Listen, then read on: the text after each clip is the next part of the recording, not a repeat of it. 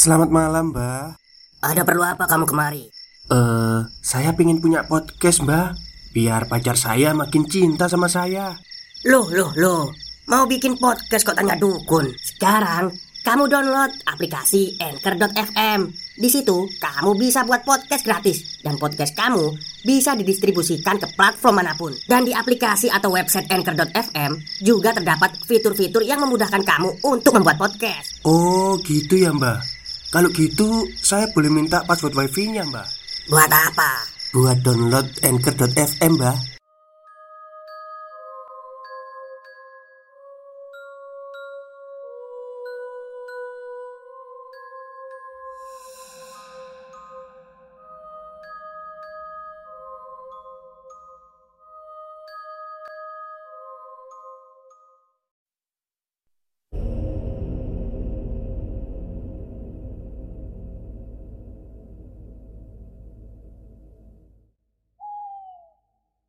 Assalamualaikum warahmatullahi wabarakatuh. Halo semuanya Jumpa lagi dengan saya Chow Sing Sing Kurator dari podcast Horror Night Story. Halo apa kabar semuanya? Semoga kalian semua sehat-sehat ya. Dan seperti biasa pada siang hari ini saya kembali Dan akan menghadirkan sebuah kisah mistis untuk kalian semua Kisah mistis kali ini saya datangkan lagi dari Mas Restu Wira Yang menceritakan tentang santet tali gaib. Seperti apa kisahnya? Mari kita simak. Cirebon 1996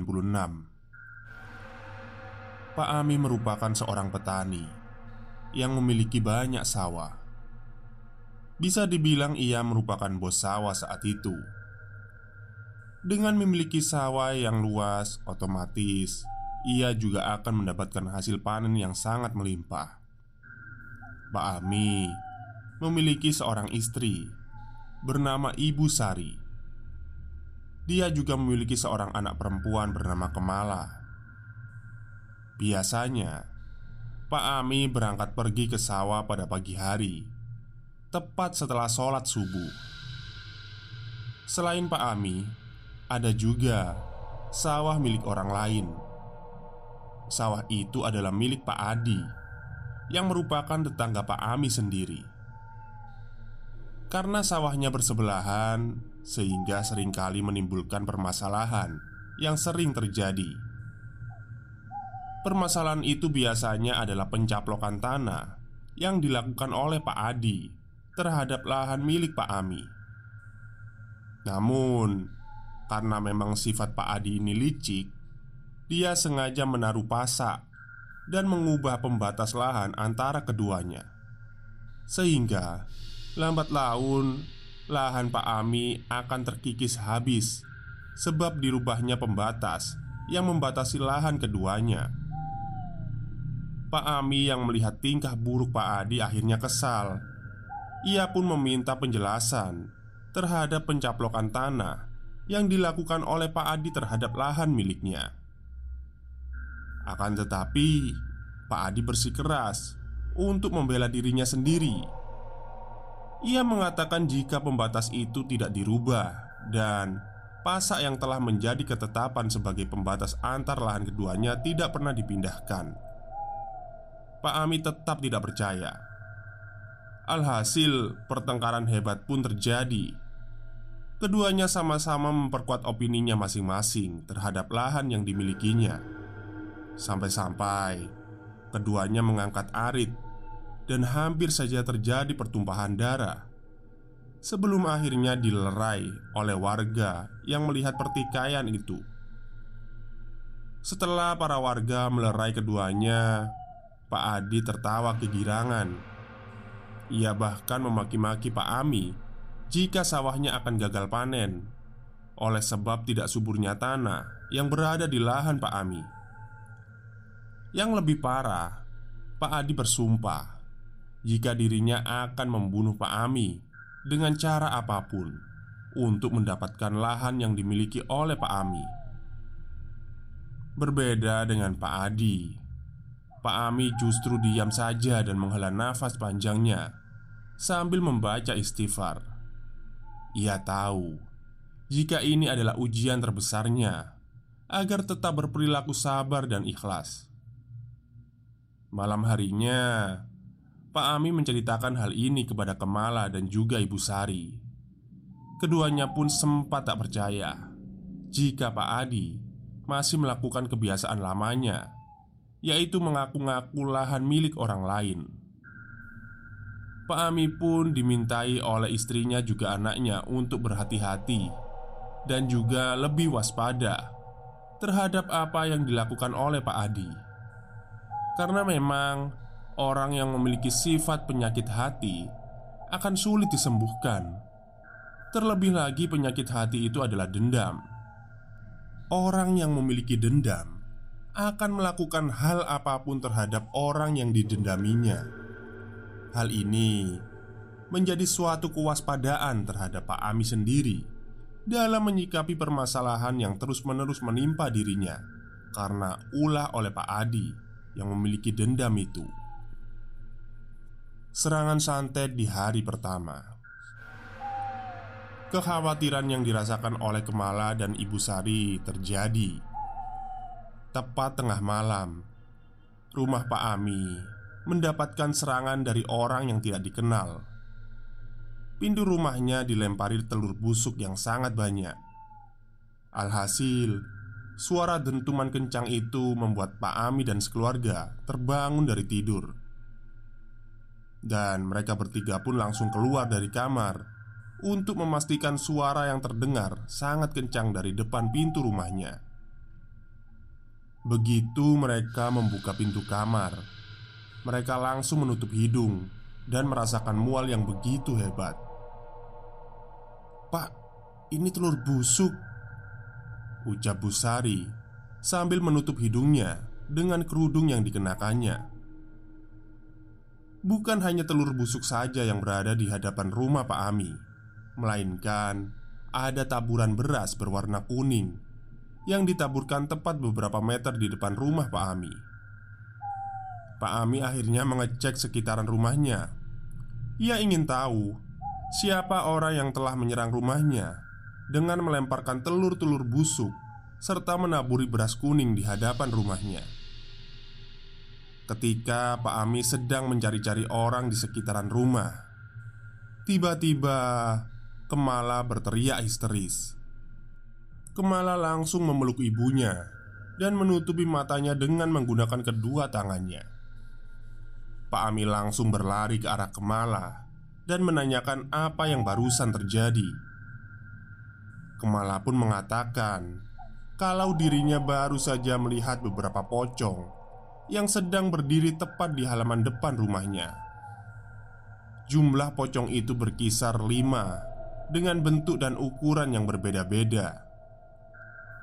Mendengar hal itu, Pak Ami pun segera menyuruh anak dan istrinya untuk masuk ke dalam. Pak Ami sudah mengira jika orang yang menyerang rumahnya adalah orang terdekat yang berada di sekitaran rumahnya. Malam itu, mereka bertiga tidur dalam satu kamar Pak Ami dan Bu Sari terus-menerus membaca ayat kursi untuk menenangkan Kemala yang baru saja melihat kelima sosok pocong di depan rumah. Keesokan harinya, seperti biasa, Pak Ami mendatangi sawah untuk mengecek lahan miliknya. Namun, baru saja Pak Ami mendatangi sawah, ia terkejut melihat seekor bangkai ayam berwarna hitam yang sudah mati dan ditancapkan di sebuah bambu dekat perbatasan lahan miliknya dan juga Pak Adi. Darah dari bangkai ayam itu menetes deras ke arah sawah milik Pak Ami. Itu artinya ada seseorang yang baru saja menaruh bangkai ayam hitam itu. Orang pertama yang dicurigai oleh Pak Ami adalah Pak Adi. Alasan ia mencurigai Pak Adi adalah karena Pak Adi tipikal orang yang pendendam Sehingga ketika diri Pak Adi merasa ada seseorang yang tidak disukai Maka ia akan melakukan apa pun untuk menjatuhkan mental orang yang tidak disukainya. Akhirnya, Pak Ami pun langsung menuju ke rumah Pak Adi, sembari membawa bangkai ayam hitam itu. Orang-orang yang berlalu lalang untuk pergi ke sawah pun merasa heran di saat Pak Ami membawa bangkai ayam hitam itu menuju rumah Pak Adi. Sesampainya di rumah Pak Adi, Pak Ami langsung menggedor-gedor rumah dan berteriak memanggil-manggil nama Pak Adi. "Adi, keluar kamu!" teriak Pak Ami. Tak berselang lama, Pak Adi pun keluar dengan wajah sumringah. "Ada apa kamu manggil-manggil namaku? Kamu kan yang melakukan ini?" tanya Pak Ami sambil menunjukkan seekor bangkai ayam berwarna hitam itu. Pak Adi hanya tersenyum, lalu tertawa kegirangan. Ia bahkan tidak memasang raut wajah penyesalan mengenai apa yang ia lakukan terhadap Pak Ami. Pak Ami yang melihat tingkah aneh dari Pak Adi merasa keheranan. Ia langsung melempar ayam bangkai itu tepat di kaki Pak Adi sembari berkata, "Jangan ganggu aku lagi," ucap Pak Ami. Pak Ami pun langsung meninggalkan Pak Adi yang masih berdiri sambil menendang-nendang kepala bangkai ayam itu.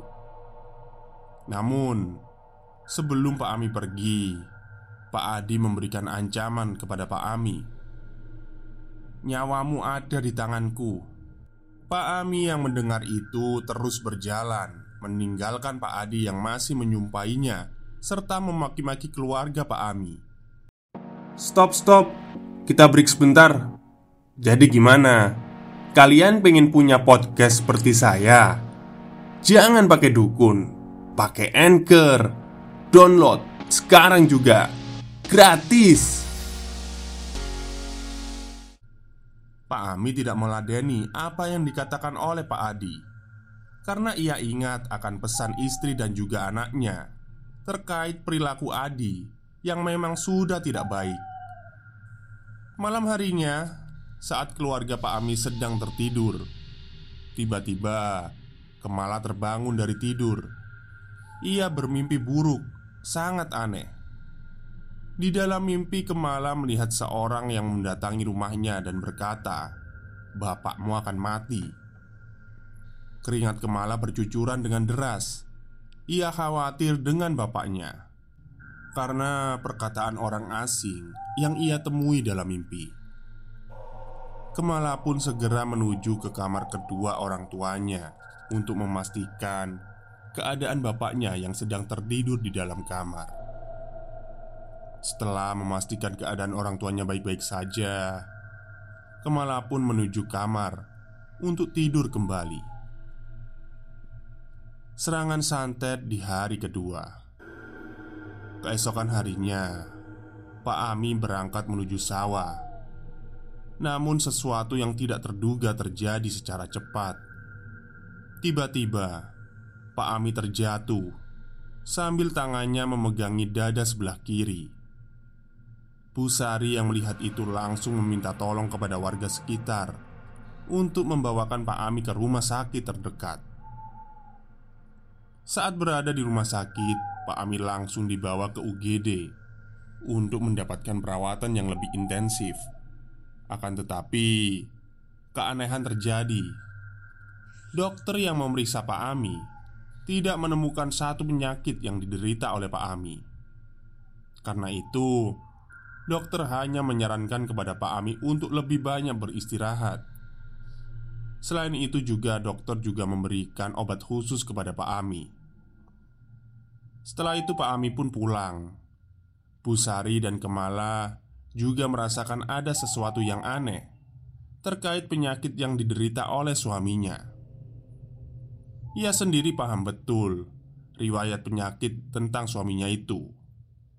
Saat tiba di rumah, Pak Ami langsung dibawa ke kamar untuk beristirahat. Akan tetapi, entah mengapa, tiba-tiba Pak Ami berteriak-teriak seperti orang yang kesurupan. Bu Sari yang melihat hal itu merasa takut ia kembali melaporkan hal ini kepada warga serta kiai setempat untuk meminta pertolongan. Sesampainya di dalam rumah, mereka semua terkejut di saat melihat Pak Ami sedang mencekik kemala ke tembok, dan dengan seketika tatapan Pak Ami berubah seperti layaknya pembunuh. Bu Sari berteriak histeris di saat suaminya sedang mencekik anaknya sendiri. Kiai yang sempat diundang oleh Bu Sari langsung turun tangan dan meminta para warga untuk melepaskan cekikan yang diarahkan Pak Ami terhadap Kemala. Setelah cekikan itu berhasil lepas, Pak Ami pun langsung diikat di tempat tidur menggunakan tali. Kiai itu langsung mengetahui jika Pak Ami sedang terkena santet jenis tali gaib. Santet tali gaib inilah yang dapat mengontrol korbannya dan membuat korban menjadi depresi dan gila. Santet ini juga sangat berbahaya karena bisa melukai orang-orang yang berada di sekitarnya. Dengan cepat, kiai itu akhirnya merukyah Pak Ami dan membacakan ayat-ayat rukyah.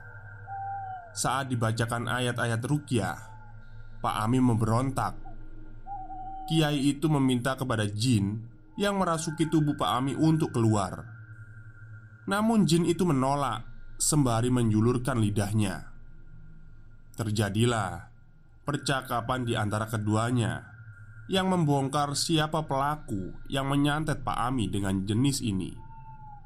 "Siapa tuanmu?" Jin yang merasuki tubuh Pak Ami hanya tertawa sembari menjulurkan lidahnya. Kiai itu kembali membacakan ayat rukyah dengan paksa. Ia mengeluarkan jin itu dari tubuh Pak Ami. Alhasil, jin yang merasuki tubuh Pak Ami kalah.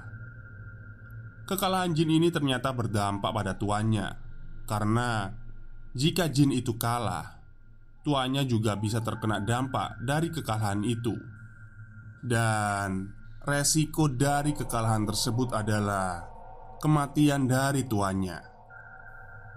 Setelah dua jam lamanya Pak Ami di Rukyah Akhirnya Pak Ami siuman dan sadar kembali.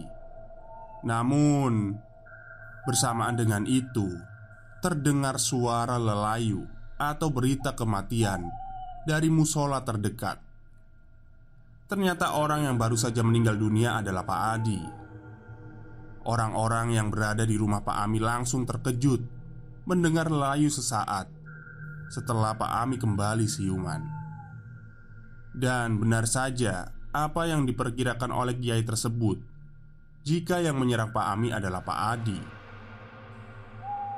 Para warga pun langsung berbondong-bondong menuju rumah Pak Adi. Akan tetapi, hal aneh kembali terjadi. Jasad Pak Adi sudah membusuk, seperti orang yang sudah lama meninggal. Bukan hanya itu, kedua matanya pun sulit untuk terpejam dan mulutnya sulit tertutup. Para warga yang mengetahui hal itu langsung melaporkan kepada Pak Kiai. Atas pemberitahuan itu, Kiai itu langsung meminta Pak Ami untuk menuju ke rumah Pak Adi dan langsung melihat kondisi Pak Adi. Kiai itu meminta kepada Pak Ami untuk memutuskan apakah Pak Ami mau memaafkan segala kesalahan Pak Adi atau tidak.